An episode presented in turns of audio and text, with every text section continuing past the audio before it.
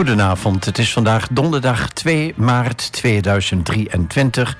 Hartelijk welkom bij de 97ste aflevering van De Blauwe Barometer.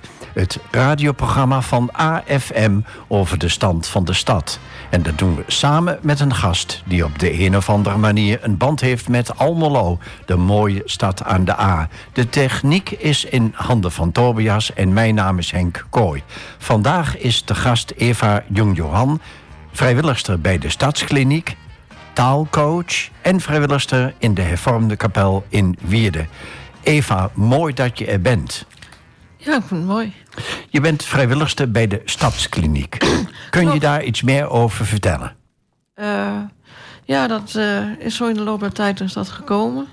Ik was eerst vrijwilliger... Uh, ik heb echt wel veel vrijwilligerswerk gedaan. En ik ken iemand die daar ook vrijwilliger is. En die zei van, nou kom eens bij ons kijken. En het is, wat ik daar doe is eigenlijk... Ik, ik, ik ben een soort maatje van mensen. Want ik zelf, ik heb autisme. En uh, in mijn herstel, zoals ze dat dan noemen. En hoe ga je ermee om en uh, waar kom je tegen, ben ik best wel ver. En er zijn ook mensen die nog helemaal aan het begin staan, die nog net de diagnose hebben gehad. En uh, in die zin kan ik voor die mensen een maatje zijn. Maar ook als het gaat om, nou ja, hoe is het als je in de hulpverlening belandt als cliënt? En waar loop je tegenaan? Welke, ja, ook qua stukje bureaucratie. Kun je vertellen wat de stadskliniek precies is? Ja, de stadskliniek dat is een, uh, een soort woonvorm... waar mensen maximaal drie jaar wonen.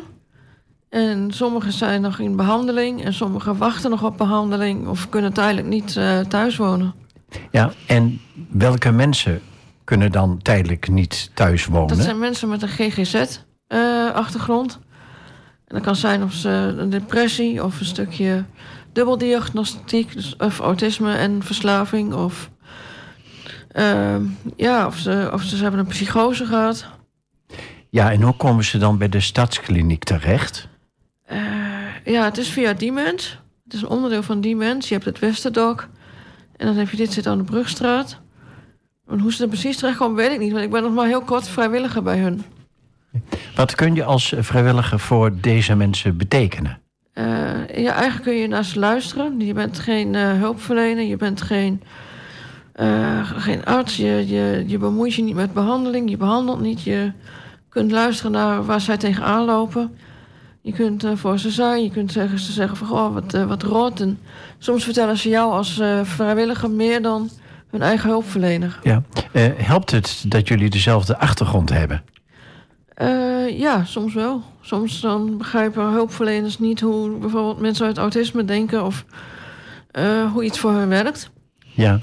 Terwijl je dan zo'n uh, nou ja, lotgenoot zeg maar, kan vertellen van nou ja, ik begrijp wat je voelt. Ja. Ik, ik, heb dat ook meegemaakt. Want ooit heb je dat stempel gekregen. Mm -hmm. En wat heeft dat met jou gedaan? Nou ja, je, je weet natuurlijk al sinds dat je geboren bent dat je anders bent dan de gemiddelde anderen. En uh, ja, het, je krijgt natuurlijk, als je die diagnose hebt, dan krijg je ook een stukje psycho-educatie. Van nou, wat is autisme en hoe ga je ermee om en waar, kom je tegen, waar kun je tegenaan lopen. En nou ja, sommige dingen zijn ook wel heel herkenbaar waar je tegenaan loopt. Ja, nou heeft ieder mens in min of meerdere mate toch wel last, uh, laat ik het zo uitdrukken, van autisme. ja. Uh, waarin onderscheid jij je dan van andere mensen? Uh, ik denk best wel heel erg zwart-wit als iets is wat voor mij, uh, wat voor normale mensen misschien vervelend is, dan is dat al voor mij iets als een, nou ja, vergelijkbaar met een kernramp. En dan kan ik ook aan niks anders meer denken of meer bezig zijn dan alleen met dat stukje tot het is opgelost. Ja. Is, is, vergroot je als het ware de dingen voor jezelf ja. uit? Ja, je, je, je denkt ook, ja, zeker. Je denkt ook heel zwart-wit. Het is of het een of het ander. Dat grijze gebied is een heel heel ingewikkeld. Dat, dat kun je, ik kan daar heel vaak niks mee. Ja. Wat kun je dan voor jezelf doen om de verhoudingen weer een beetje normaal te krijgen, zeg maar? Uh, het met er iemand over hebben. Of even tegen mezelf zeggen van uh, ho, ho, ho.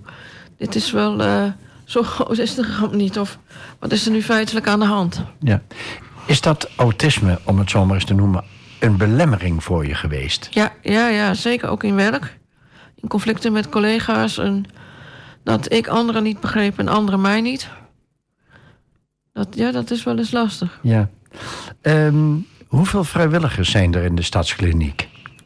Boah, dat weet ik niet. Ik weet dat mijn collega, die is ervaringsdeskundige. Die heeft een betaalde baan.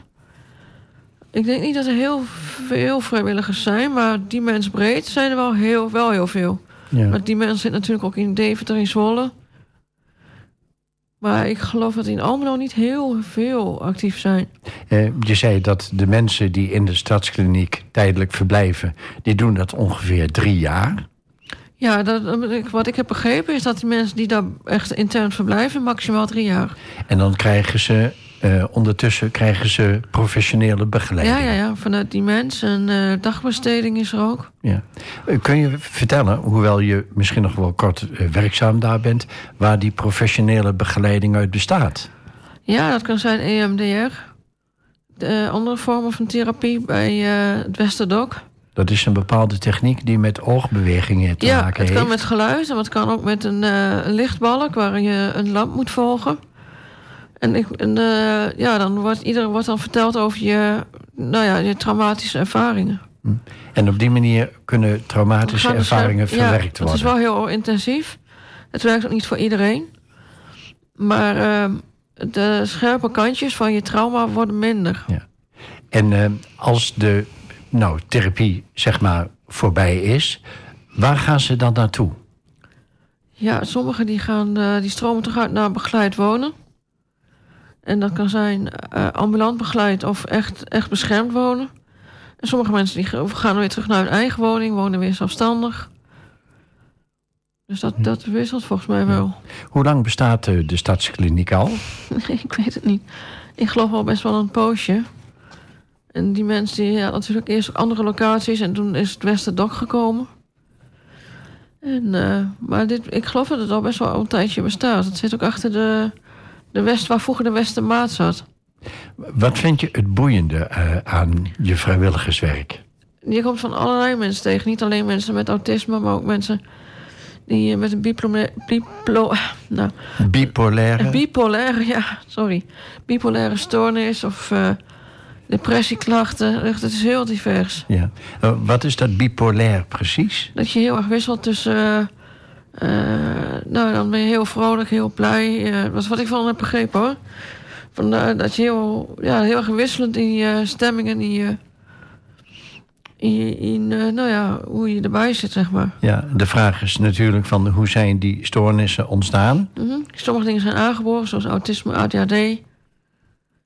Sommige zijn persoonlijkheidsstoornissen, je hebt ontwikkelingsstoornissen. Er zijn ook mensen met, met borderline klachten. Nou, dat is eh, al een heleboel wat je verteld hebt. Ehm, na de vier stellingen eh, vraag ik je over hoe je taalcoach eh, bent geworden.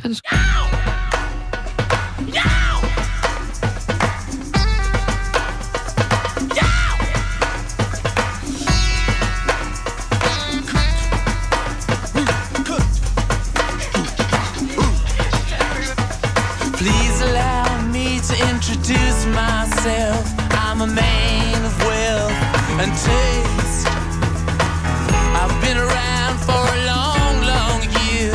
Stole many a man's soul and faith. I was around when Jesus Christ had his moment of doubt and pain. Made damn sure the pilot washed his hands and sealed his fate.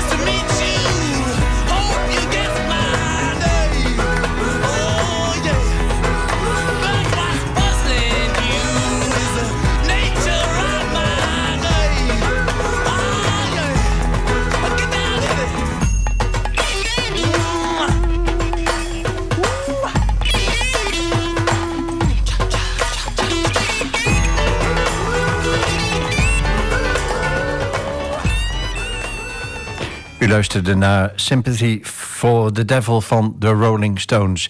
Eva Jung Johan, uh, waarom heb je dit nummer aangevraagd? Nou ja, het is eigenlijk een hele grote aanklacht wat de mensen elkaar aandoen. En uh, nou ja, dit is wel een liedje waarvan mensen als denken van... is dit nou aanbidding van de duivel? Maar dat is het eigenlijk niet.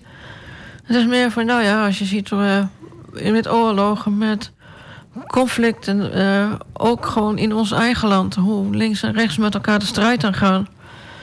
Nou ja, zo is dat eigenlijk een beetje een, uh, nou ja, een aanklacht tegen de mensheid. Ja, de tekst heeft uh, Mick Jagger in 1968 geschreven. Ja. Nou, we zijn al een flink aantal decennia verder. Zijn we iets opgeschoten?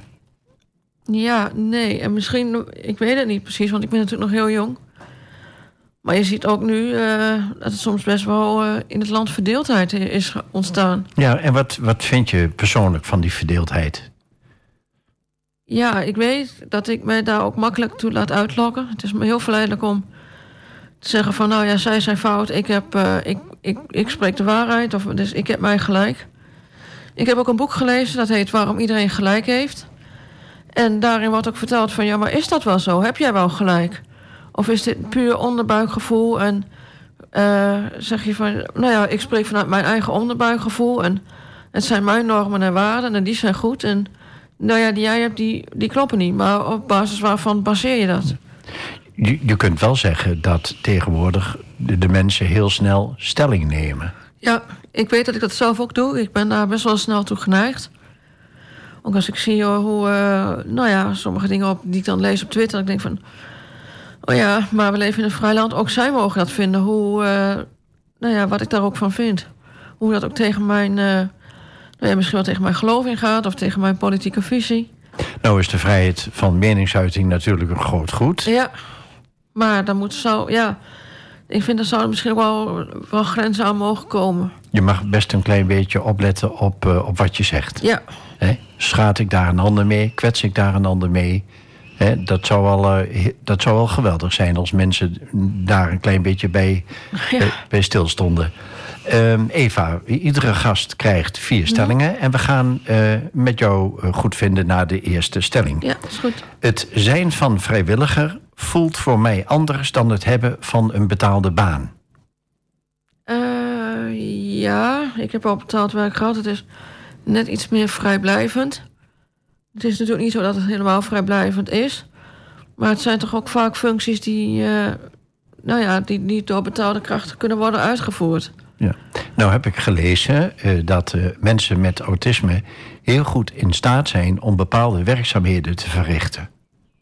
Um, het inzicht is nog niet zo heel lang gaande dat mensen zeggen: hé, hey, laten we die kwaliteiten eens gaan gebruiken.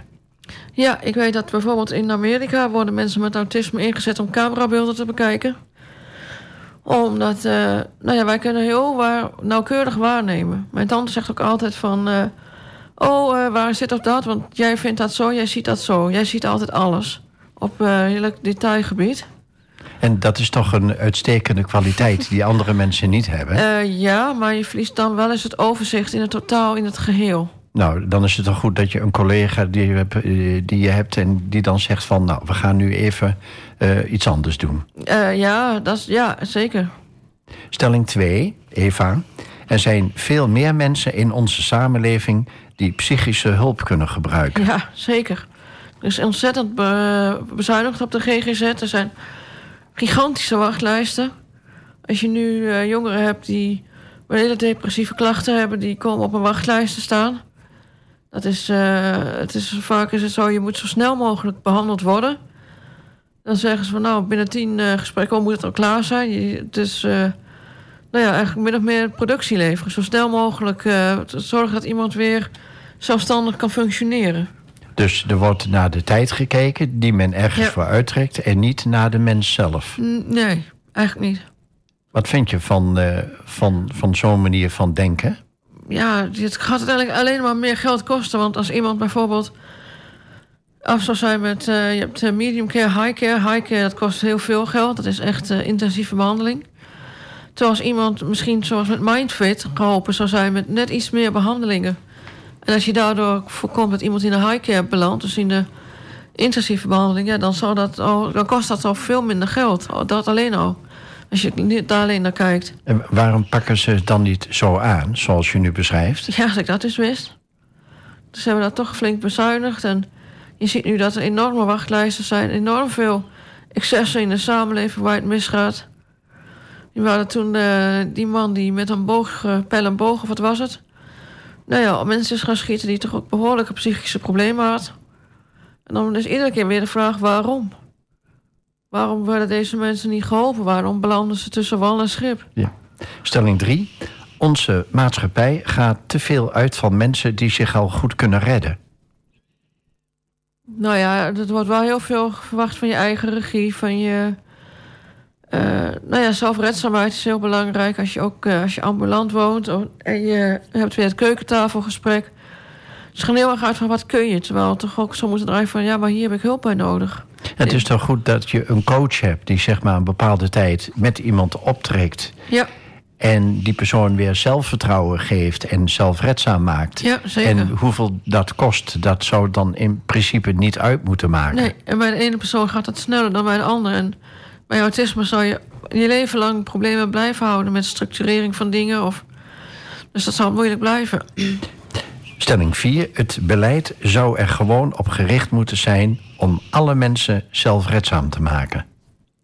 Eh, ja, maar dan is in de zin van...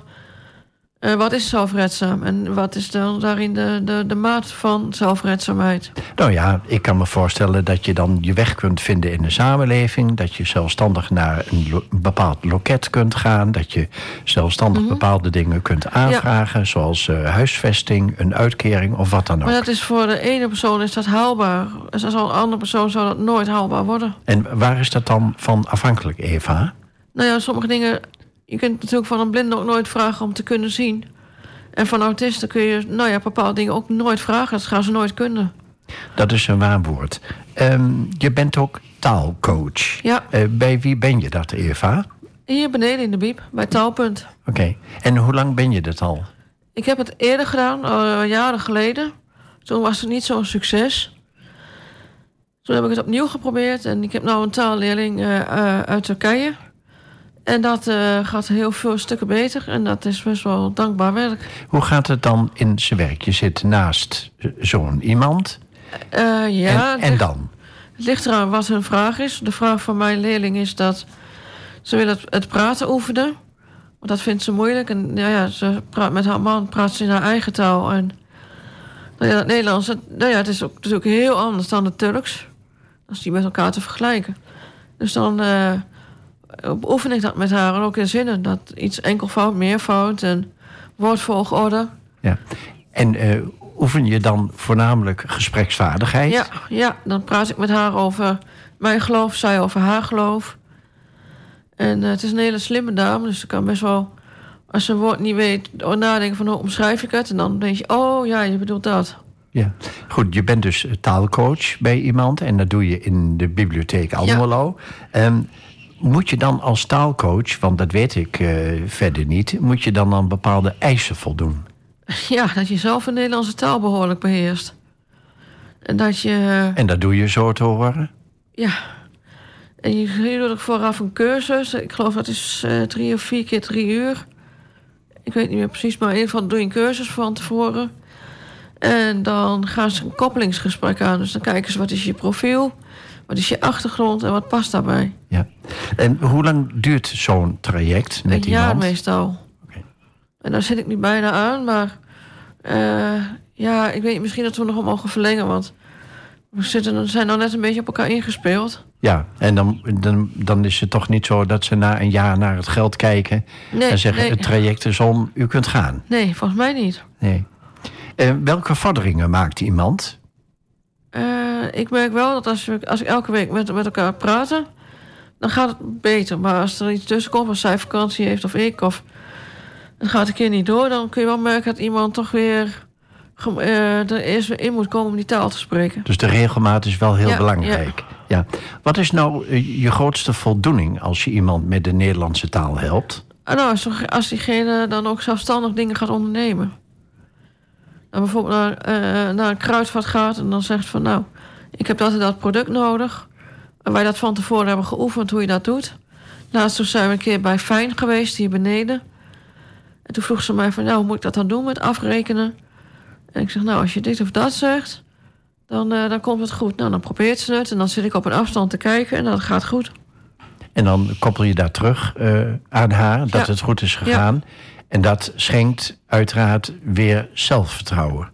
Ja, ook voor zo'n eh, leerling zelf. Ja. Hoeveel taalcoaches heeft de bibliotheek Almelo? Oh, dat weet ik eigenlijk niet, maar best wel wat. Maar we zitten momenteel wel te springen op nieuwe. Oh, Ja, nou, je kunt nu een eh, oproep doen, eh, Eva. nou, voelt u zich geroepen om anderstaligen of mensen die in Nederland zijn geboren maar moeite hebben met de taal te helpen met het schrijven van een brief, spreekvaardigheid eh, of schrijfvaardigheid? Meld je dan aan bij Avedan, taal.almelo. Oké. En krijgen aspirant eh, belangstellenden een soort eh, cursus, Ja, een soort ja. training? Ja, je krijgt een training. En dan wordt uitgelegd van... nou ja, hoe zit dat in elkaar als je bijvoorbeeld een NT1er bent... dat is in Nederland geboren, Nederland moedertaal... maar je hebt bijvoorbeeld nooit goed geleerd. Hoe is het om... eh, nou ja, niet in Nederland te zijn geboren en de taal te leren. Je krijgt wat vaardigheden aangereikt. Je gaat ook eh, met elkaar, met die medecursisten aan de slag. Prima. Nou, je bent eh, vrijwilligster bij de Stadskliniek. Je bent taalcoach. En je bent ook vrijwilligster in de hervormde kapel in Wierde. Ja. Wat doe je daar? Of laat ik eerst beginnen, wat is de hervormde kapel? De hervormde kapel is een eh, kerk binnen de PKN. Ik geloof dat we iets van 1100 leden hebben, maar dat weet ik niet zeker. Eh, het is een niet heel grote gemeente. Ehm, het is eigenlijk, de mensen die er komen is heel divers. Veel leraren. Best wel veel hoogopgeleide mensen. Het is een hele, ja, best wel een, een gemeente die naar elkaar omziet. Dus het is, eh, ja, en we zijn ook een groene kerk. Dat houdt in, we hebben zonnepanelen, we zijn bezig met eh, duurzaamheid. We hebben een paar keer per jaar een duurzaamheidsdienst. Ja. Hoe ben je daar terechtgekomen? Nou ja, eh, in 2018, 19 was er kerkasiel in de Battle in Den Haag. En ik zag op Twitter een oproep voorbij komen... heb jij nou vaccinelichtjes? Die kunnen wij heel goed gebruiken. En ik had zo gereageerd van... ja, ik heb er hier 250 liggen. Maar hoe komen die daar? En toen werd ik, kwam ik in contact met onze predikant. Die zit ook op Twitter. En zo is het balletje gaan rollen. Ja. En die vroeg van, eh, ja, ga, ga je mee? Ik dacht van, ja, jij weet helemaal niet hoe ik nog in, in religie sta. En dat is ook eigenlijk het punt waar eh, mijn leven als gelovige is begonnen. ja. Wat heb je dan met religie of het religieuze? Eh, ik hou daar rust uit, ook als ik eh, naar de kerk ga. Eh, het, is voor mij zingeving, het geeft richting aan mijn leven, aan de keuzes die ik maak. Eh, ja, het is ook een, een bron van troost voor mij. Een andere kant van je mensheid wordt op die manier aangesproken. Ja, Ja, je had natuurlijk ook in een kerk of een kerkgemeenschap in Almelo werkzaam kunnen zijn als vrijwilliger. ja maar ik was altijd eh, nog net niet anti-religie. Soms ook wel een beetje. En voor mij was daar eh, een heel bijzonder moment gebeurd in de, in de battle. Dat, eh, nou ja, het was natuurlijk een hele tragische gebeurtenis, kerkasiel. En ik, eh, nou ja, ik, ik heb natuurlijk altijd heel veel drukte, heel druk hoofd. Altijd gedachten en prikkels. En ik ervaarde daar een hele bijzondere vorm van rust die over mij kwam in die kerk. En dat heb ik nog eens een keer ervaren bij ons in, eh, in de kapel. En dat was voor mij zo bijzonder. En toen zei de dominee van... nou ja, vind je het leuk als ik een keer bij je langskom? Zonder dat hij zei van... nou, je moet je bekeren of je moet bij ons komen. Dat was helemaal niet. Hij heeft ook mijn verhaal aangehoord. En zodoende ben ik eh, eigenlijk in onze kapel beland. Ja. En heb je dan ook de, de behoefte om je gedachten te ordenen door ze op te schrijven bijvoorbeeld? Ja, ik, eh, ik, ik, ben, eh, ik schrijf columns. Ik schrijf stukjes op Facebook. Ik zit bij Walking Voetbal. Daar schrijf ik stukjes over. Dus ja, dat wel. Dat is voor mij zoals Twitter ook. Mijn gedachten gaan de hele dag door. Eigenlijk zodra ik wakker ben. En dat schrijf ik vaak op. En soms is het heel kolderiek. En soms is het ook best wel serieus. Ja, want dat, dat valt me op bij de dingen die ik lees van jou. dat er ontzettend gevoel voor humor in zit. Ja, eh, dat is wel iets wat mij op de been houdt. Dat, eh, ja, zoals Bassie vroeger altijd zei... wat er ook gebeurt, altijd blijven lachen. Nou is dat niet zo, zo zwart-wit, zie ik het niet... maar het is voor mij wel van... humor is wel iets belangrijks. Ook al gebeurt er iets heel tragisch... je kunt altijd wel ook... eh, nou ja, er toch een soort van humor in gooien.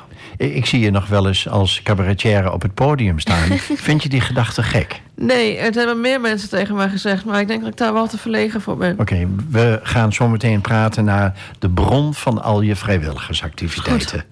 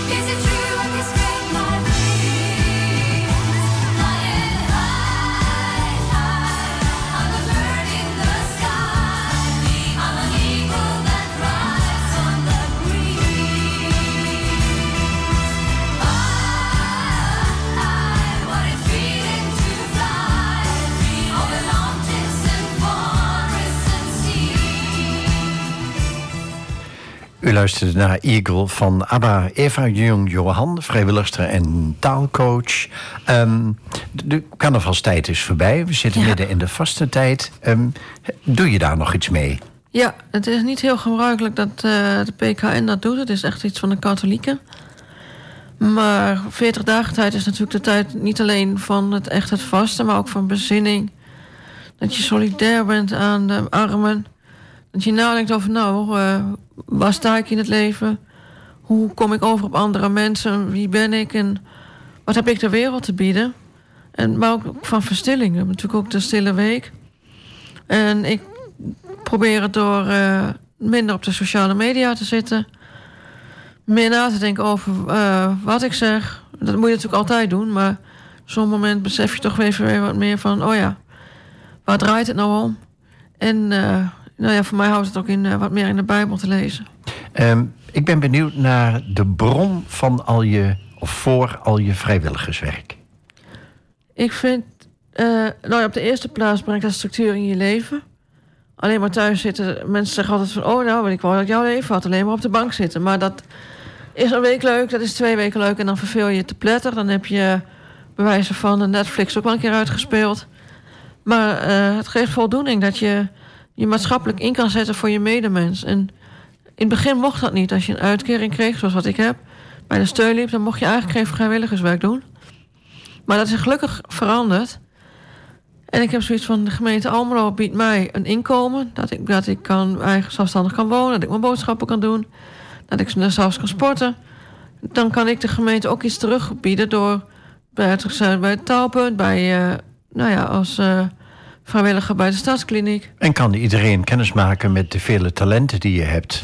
Ja, nou ja, dat ook. Ja. Waaruit put jij je inspiratie, eh, Eva? De inspiratie gewoon voor eh, het doen van mijn vrijwilligerswerk. Ja, voor de manier waarop je in het leven staat bijvoorbeeld. Eh, ja, toch ook een stukje geloof. Een stukje, nou ja, idealisme. Dat je dan toch probeert van, nou, eh, toch een beetje de wereld een beetje beter te maken. Toch te blijven geloven dat het eh, beter kan worden. Ook al zie je iedere keer op het journaal weer allemaal ellende en verdriet. Ja. Ehm, heb je nog ehm, mensen die een voorbeeld voor jou waren, of misschien nog steeds zijn?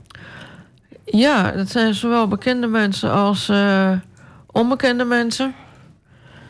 Eh, ik haal veel uit de, uit de preek van onze predikant. Eh, ja, natuurlijk uh, Brigitte Kaandorp met... ik heb een heel zwaar leven. Dat denk ik dan wel eens aan als ik dan wil op te klagen. En dan ook wel besef van... Ja, maar eigenlijk hebben wij het hier best wel goed. Afgezet tegen andere dingen valt het dan nog wel mee. Ja, ook al wel Herman Vinkers ook weer zegt van iedereen heeft recht op zijn eigen verdriet. En eh, ja, ik heb ook best wel bewondering van hoe mijn tante het heeft gedaan naar een eh, rugoperatie, knieoperatie, al die ellende. En dan, eh, nou ja, toch weer het lukte om te gaan kolven. En ondanks de pijn, ik, ja, dat is toch ook wel iets waar je van ik denk van nou, ga er maar aan staan. Zou het een goede zaak zijn dat alle inwoners van Nederland op hun bepaalde specifieke manier vrijwilligerswerk doen? Ja, ik denk het wel. Ik denk dat het ook al is het maar een uurtje of is het maar eh één keer in de, eh, in de maand. Het zal wel goed zijn. Om Ja. je maatschappelijk, vooral maatschappelijk in te zetten. Ja, onder het mom van je hebt niet alleen rechten, maar ook plichten. Ja, En zou dat dan een eh, verplicht karakter moeten hebben? nee, ik weet dat dat... Je hebt ook gezien toen met de coronatijd en de coronaregels verplicht. Dat, ja, dat zijn, strijk je denk ik heel veel mensen tegen de haren in. Ja. Nou, zometeen vraag ik over eh, alle andere eh, interesses die je nog hebt. No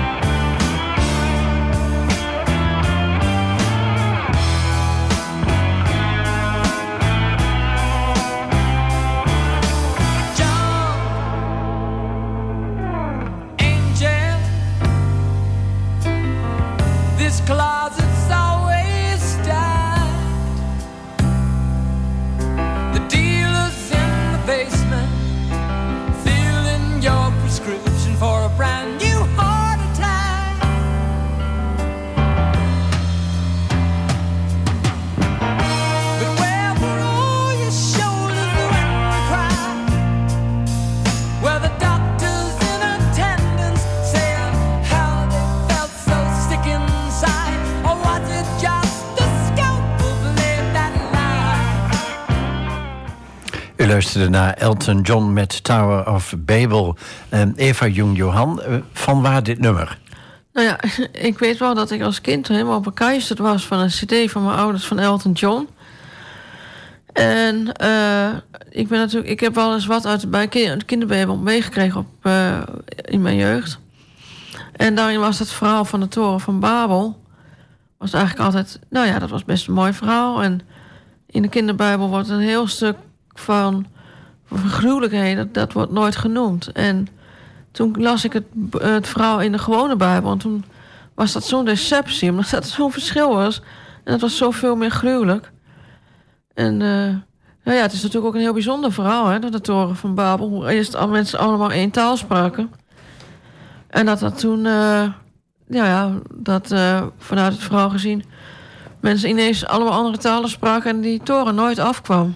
En vandaar de, Ja. uitdrukking de Babylonische spraakverwarring. Ja, precies. Dat, eh, dat eh, mensen elkaar dat, dat niet even helemaal begrijpen. Ja. Is, is dat, eh, kun je dat tegenwoordig ook nog zeggen? Dat mensen op verschillende golflengtes zitten? Ja, jawel. Dat is het eh, regelmatig zo. Ik had het vanmiddag met mijn tante in de auto nog. Dat we er gewoon even langs elkaar heen zaten te praten. Dat, ja. Dat eh, gebeurt nog wel eens. Ja. Je bent ook geïnteresseerd in theologie, eh, Ja. het klimaat en de politiek. Laten we met de theologie beginnen. Hoe is je belangstelling voor, eh, hoe, ja, hoe is je belangstelling voor theologie begonnen? Ja, eigenlijk in dezelfde lijn als toen, toen ik met mijn bekering begon. En de Bijbel begon te lezen, kerkdiensten bezocht. Vond ik het eigenlijk best wel heel interessant. Van, eh, wat staat er nou in die Bijbel en wat wordt er nou mee bedoeld? En ik lees dan boeken van Jonathan Sacks. Dat is een, eh, in, ik geloof in 2020 overleden rabbijn. Die dan op zijn manier eh, Exodus uitlegt, Leviticus uitlegt, Genesis uitlegt. Dat zijn, de, een, dat zijn drie van de Ja, vijf de- Bijbelboeken Van het Torah, ja. De eerste, de, de eerste de van het Oude Testament. van het Oude Testament. Ja. Ja. En eh, maar, maar je sprak net over bekering. Wat, wat bedoel je daar precies mee? Ik, was, ik ben niet gedoopt als, als kind. Eh, ik geloofde ook niet. En dat is eigenlijk is dat veranderd. En dan, toen heb ik wel voor het geloof gekozen. En ben ik in 2020 ook gedoopt. Dus dat was ook best wel een heel bijzonder moment in mijn leven. Ja. Dat, dat best belangrijk voor je was en nog steeds is? Ja, Ehm, is het geloof voorbehouden aan mensen binnen een eh, gelovige of religieuze gemeenschap? weet ik niet. Ik spreek ook wel eens mensen die, eh, die zeggen van... nou ja, dat ze wel in God geloven... of in, of in Allah of in een andere kracht... maar niet naar een kerk gaan... omdat ze dat eh, ingekaderd vinden... of teleurgesteld zijn in het, in het instituut kerk. En heb je wel eens gehoord van ietsisme? Nee, er is wel iets, maar ik weet niet wat het is. Ja, precies. Ja, ja, en er is ook nog iets als het Rastafari... eh voor je het ook? Nee, niet Rastafari, het eh vliegend spaghetti monster... was dat ook alweer? Pastafari, Ja, dat is het. ja en wat, wat daarmee bedoeld? Ik heb geen idee. Nee. Maar ik weet wel dat het allemaal mensen zijn met een vergiet op hun hoofd. En ik, heb, ik weet het niet precies. Nou is voor heel veel mensen de term theologie iets hoogdravends. Ja, En klopt. vind je dat zelf ook? Eh, ja, is de vraag, ja, wat is theologie? En op wat voor manier eh, hou je je daarmee bezig? Is dat door boeken te lezen? Of, of is dat door... eh, ik ga eens in de twee maanden dat in onze kapel... naar een eh, soort bijbelbijeenkomst. Waar, dan, waar we dan een gesprek over, of, voeren over een bijbelverhaal. We hebben laatst hebben de, we de uittocht behandeld eh, van Mozes en het volk Israël. Eh, dus het is ja, wat voor niveau je daarmee bezig bent, dat kan natuurlijk heel verschillend zijn. Ja, en wat, wat, eh, wat, wat kunnen de oude verhalen dan eh, voor ons heden ten dagen betekenen? Ja, ik denk dat als je er een goede exegese bij hebt, een goede uitleg, heel veel verhalen best nog wel heel actueel zijn. Zoals dat van de Toren van Babel, dat mensen nog steeds wel naar elkaar praten, maar mensen elkaar niet begrijpen. Dat, ja, het heel veel verhalen zijn best nog wel actueel. Ja. Je verdiep je nogal in theologie. Je bent eh, actief eh, in de hervormde kapel in Wierden. Ja. Ehm, heb je ambitie om bijvoorbeeld eh, nou, verder te gaan door voorganger te worden of zo? Nee, dat, dat zou natuurlijk wel heel mooi zijn, maar dat is echt een universitaire opleiding of HBO. En ik ben gestrand op MBO 3. Maar iets als, nou ja, misschien als diaken, dat zou ik nog wel eh ambiëren. ja. Ehm, je bent ook heel erg geïnteresseerd in politiek en klimaat. Ja, En de, de provinciale statenverkiezingen die naderen natuurlijk met uh, gassen schreden. ja. Woensdag eh, 15 maart kiest Nederland een eh, nieuwe Eerste Kamer. Hoe sta jij daarin? Ja, ik, eh, ik had eigenlijk eerst het idee dat het niet zo leefde. Tot ik vandaag met mijn tante in eh, Drenthe reed. En zo'n beetje elk weiland had een eh, boerenburgerbeweging. Spandoeks daar hing. Dat ik dacht, oh ja, het, leeft wel degelijk. Maar die waterschappen, dat... Het was al heel moeilijk om überhaupt de kieswijze daarvoor te vinden. Eh, precies, maar die haken ze natuurlijk met opzet aan de, Ja. de, de verkiezing voor de provinciale staten. Klopt. Ja.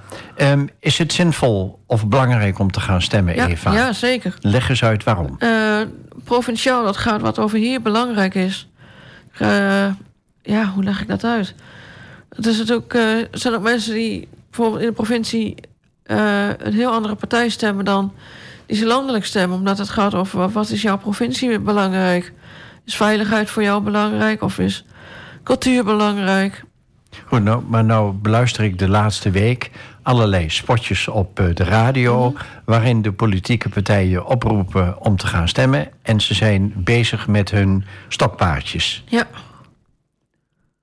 Ja, dat zijn vaak de bekende het, wat ze hebben. Dat is toch wat, eh, waar ze een beetje voor staan. Ja, en hoe weet ik nu ehm, dat ik de juiste partij kies? Dat wil zeggen, die wat verder gaat dan alleen maar die stokpaardjes. Je hebt de stemwijzer, kieswijzer, kieskompas, al dat soort eh, waar je dan stellingen kunt. eh, nou ja, past dit bij mij? Ben ik het hiermee eens, oneens, neutraal?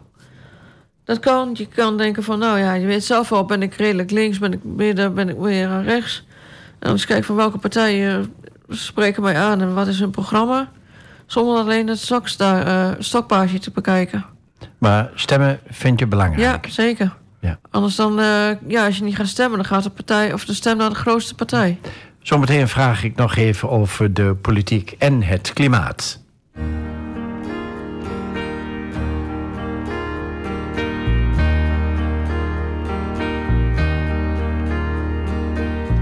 The man spoke to the albatross.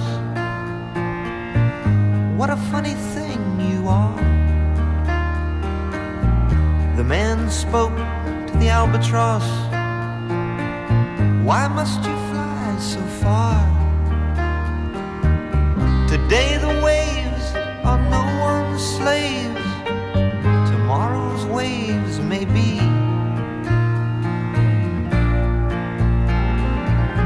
Do you believe in me?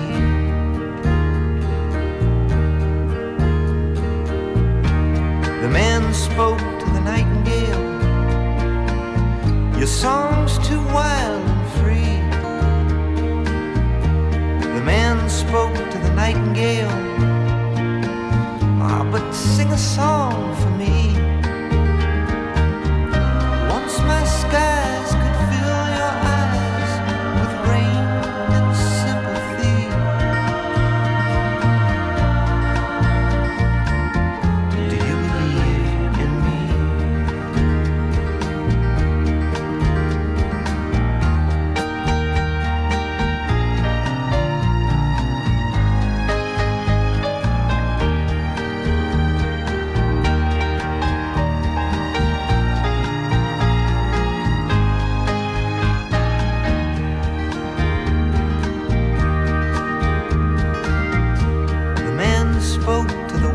Dove.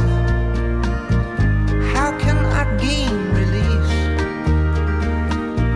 The man then killed the whitest dove and justly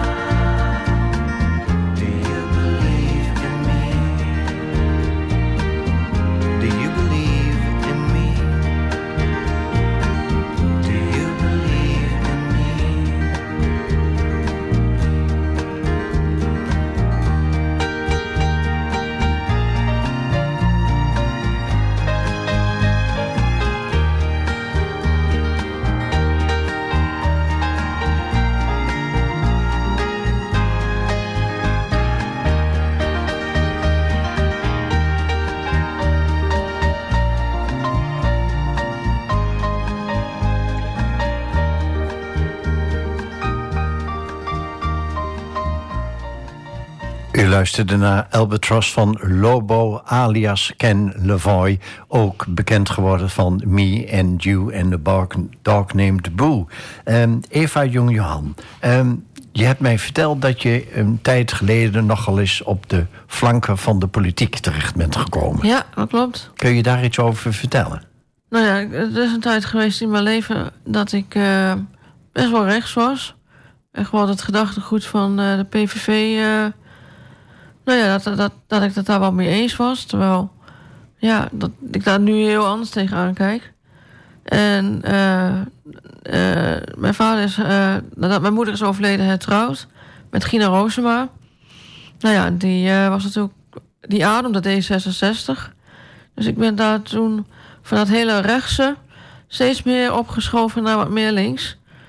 Ehm, ik ben ook nog een tijdje voor D66 in Almelo ja, een soort van actief geweest. Maar het is wel eh, ook in eh, samenhang met, met eh, toch kiezen voor het geloof en toch kiezen voor een ander leven. Ja, verschoven van rechts naar links op de politieke schaal. Nou komt het natuurlijk wel, wel vaker voor... eh, dat mensen vanuit het extreme langzamerhand groeien naar de nuance. Maar Ja. wat heeft precies jouw ommekeer teweeggebracht? Ik dacht dat op een gegeven moment van... nou, ik weet niet, het voelt niet goed. Wat ik nu... eh, die boosheid, die wrok, eh, is, dat wel, is dat wel terecht? Toen ben ik naar een open dag geweest van het asielzoekerscentrum in Almelo. Dus dacht ik, ja, maar wat, eh, wat ze zeggen op televisie... Dat, dat klopt helemaal niet. Als ik hier kijk, het is één... nou ja, om het maar even plat te zeggen... treurige bende. Het is echt een griebus. En die mensen die waren zo aardig. Terwijl ja, ik me ook een soort van schaamde dat ik dan eh, zulke dingen heb gedacht of soms ook al heb benoemd. En eh, waar komt het dan door dat, dat mensen, terecht of onterecht... extreme ideeën eh, hebben? Nou, ik heb daar ook al veel over gelezen. Het het is vaak ook dat ze zich niet gehoord voelen. Of dat in een thuissituatie is. Of, nou ja, ze voelen, dan willen ze zich toch, nou, met een groep mensen die ook zo denken als zij. En die dan toch wel een beetje door de maatschappij eh, eh, worden uitgekost. Nou, daar, daar klitten ze mee samen. En door zulke extreme gedachten te hebben en ook te ventileren op de sociale media, genereren ze toch een vorm van aandacht. Ja. Ehm, je noemt jezelf een klimaatdrammer. nou vind ik dat niet zo'n negatieve term... maar Nee, een heleboel mensen zullen dat negatief eh, uitleggen. Daar zit natuurlijk veel meer onder. Ja, dat was, een, dat was een grapje. Ik weet niet meer van welke partij, maar... Dat, eh, eh, Rob Jetten, die, eh, die was in de Tweede Kamer, die had hij een betoog. En toen... Ik geloof dat Wilders het zei, hoor, maar dat weet ik niet zeker. Van, die hem klimaatdrammer noemde. En nou ja, toen waren er ook truien. Ik heb hem ook. De truien in omloop waarop staat klimaatdrammer. En toen kwam Wilders later met klimaatpsychopaat. Die vond ik ook wel goud. Bedoel, eh, je kan veel over die man zeggen, maar hij is wel creatief met taal. Zijn de zorgen ehm, om het klimaat terecht? Ja, ja, zeker. Ik heb het boek ook gelezen van een predikant die, eh, nou ja, die zit bij Extinction Rebellion. Die eh, gaat ook vreedzaam demonstreren bij gebouwen. En ze zegt ook van, ja, mensen zeggen wel, ja, wat is nou anderhalve graad? Maar je moet het niet zien als in de temperatuur buiten, maar gewoon anderhalve graad. Als je koorts hebt en je hebt 38 graden, of je gaat anderhalve graad omhoog, hoeveel zieker voel je je dan? En eh, je ziet dat de insectenpopulatie enorm is afgenomen. Als je vroeger over de snelweg reed, nou, dan had je binnen kortste keren je auto rijden vol insecten. Nou, bijna niet meer. En dat zie je ook terug. Het is heel veel monocultuur geworden. Maar ik zie nog steeds 9 van de 10 mensen harder rijden dan 100 kilometer. Ja. En eh, die rijden mij voorbij. Ja, ja. Dat, eh, dat is ook... Dus denk ik van, ja, wat maakt dat uit? Ja. Ik, ik rijd zelf op een scooter. Ja, dat is ook eh, fossiele brandstof. Gelukkig wel een viertakt en al veel... z- nou ja, milieuvriendelijker dan de oorspronkelijke tweetakt. Maar ook dat eh zeggen mensen tegen mij van... ja, jij bent klimaatrammer, waarom rij je op een scooter? Ja. Je kunt niet alles in één keer goed doen... maar je kunt je wel op ieder jouw manier een steentje bijdragen aan, aan alles. Ja, wat, wat moet er nou gebeuren dat wij als mensheid zeggen van... oh, nu zijn we echt wakker geworden op het gebied van klimaat. Ik denk dat je, je wel kan zeggen van je het probleem bij de burger neer kan leggen, maar je moet het probleem neerleggen in de politiek en bij de grote bedrijven. de grote vervuilers, die moeten eigenlijk eh, hard worden aangepakt. En niet, ja, ook de consument, maar niet, het staat niet in verhouding tot hoe de bedrijven worden aangepakt. Als een Shell of als een eh Steel. Maar goed, de consument moet ook zijn steentje Ja, bijdragen. ja, zeker. Hè, dus je kunt niet alleen de zwarte piet bij de bedrijven nee, nee. neerleggen. Nee, nee, maar het moet wel in verhouding zijn met elkaar. Want als wij kunnen wel met ons allen eh, minder gas gaan verbruiken, elektrisch gaan rijden, een waterpomp installeren. Of warmtepomp, excuus. Maar als een, als een Shell of een, eh, een Tata Steel onverminderd door mag blijven gaan, of een Schiphol mag, mag blijven groeien. Ja, hoe, hoe verhoudt zich dat? Tot elkaar? De hamvraag is natuurlijk, is het tij nog te keren? Dat denk ik niet, maar we kunnen nog wel de schade beperken. Ehm, ik stel je de komende minuten een aantal vragen die eh, iedere gast Ja, eh, goed. voorgelegd krijgt. Eh, kun jij je nog herinneren, Eva, ehm, waar je als 16-jarige van droomde? Ja, dat weet ik nog heel goed. Ik, ik wilde heel graag politieagent worden. Ik had echt nog de illusie dat dat wel zou kunnen. En waarom zou dat niet meer kunnen nu? Maar dat durf ik helemaal niet. Als iemand al een beetje, beetje eh, eh, agressief is verbaal gezien... dan eh, ben ik al pleit. Dus dat wordt helemaal niks. Dat durf ik helemaal niet. Maar goed, ook iemand die in opleiding zit voor politieagent... die leert daar natuurlijk mee om te Ja, gaan. ja, dat is waar. Maar nee, ik, ik had toen nog misschien een minder realistisch zelfbeeld dan nu. En nu denk ik terug van ja, nee, dat was nooit wat geworden. Sommige dingen moet je niet meer willen. Nee. Nee. Goed, dat geldt voor een heleboel andere mensen natuurlijk. Hè? Ja. Wat, wat voor idealen had je toen je een jaar of 15, 16 was? Ja, ik denk dat ik er toen nog eigenlijk niet zo mee bezig was. Ik denk dat ik vooral echt bezig was met... eh, ik was heel erg dol op theater. We hadden een vriendengroep, dan gingen we ook in België naar, naar theater... en naar feesten daar. En ik, ik, nou, ik weet niet, ik had het volgens mij niet echt... Ik was een, eh, een vervelende taalverbeteraar. Nou, dat ben je nu nog wel een klein beetje, maar dan ja, in maar niet meer zo vervelend. Nee. Nee. Welke mensen zijn tot nu toe belangrijk voor je geweest, Eva? Eh, veel wel. Mijn tante die mij eh, best wel veel van de wereld al heeft laten zien. Onze predikant die, die mij gedoopt heeft. En die, nou ja, met zijn preken en de gesprekken die we hebben... toch steeds weer wist te motiveren om het eh, goede te blijven doen. Mm, ja, Wat zou je dan nog willen bereiken of ondernemen de komende jaren? Ik denk dat ik toch uiteindelijk nog wel eh, betaald werk zou willen doen. En voor de rest, eh, ja, ik, echt dat soort dromen heeft iedereen, denk ik wel. Ik bedoel, ik hou ervan om te schrijven, ik hou ervan om eh, in de kerk lector te zijn. Dus ik heb zeker wel mijn dromen, maar ik, eh, ik neem het zoals het komt. Hoe groot is de kans dat jouw gedachten, eh, die je toch eh, dagelijks hebt, op papier komen en worden uitgegeven en dus voor een brede publiek te genieten zijn? Ik denk niet groot, maar het zou natuurlijk wel heel leuk zijn. En het- feit dat je ooit nog eens een keer cabaretier zou willen worden, Nee, dat, dat denk ik dat dat wel is uitgesloten. ja. waar ben je trots op of dankbaar voor? Eh, nou ja, ik ben er trots op dat ik toch wel, eh, gezien eh, mijn autisme, toch nog op aardige dingen wel kan. En ik ben dankbaar voor dat, nou ja, dat ik toch wel de hulp hier kan krijgen die ik nodig heb.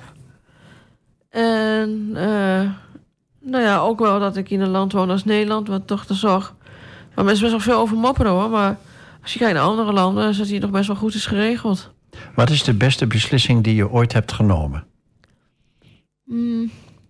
Oh, misschien wat, nou, ja, ik wil zeggen, wat minder aantrekken voor wat andere mensen van mij vinden, is in die zin dat ik toch eh, zoiets heb van, nou ja, dit is mijn standpunt en mensen vinden toch wel wat van je, maar ik ben er toch wel gevoelig voor, maar niet meer zo erg als vroeger. Als je een toverstokje had, wat zou je dan in of aan de wereld willen veranderen?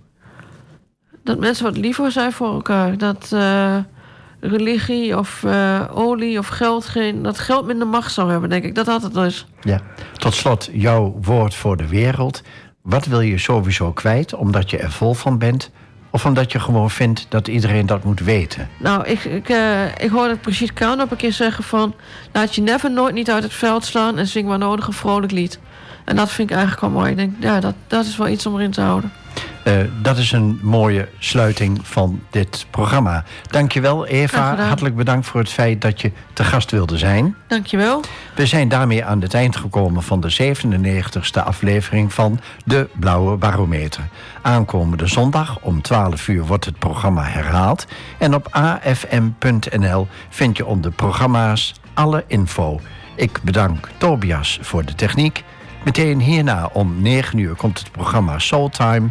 En om 10 uur de draaideur met non-stop muziek. Tot donderdag 9 maart. Tot dan.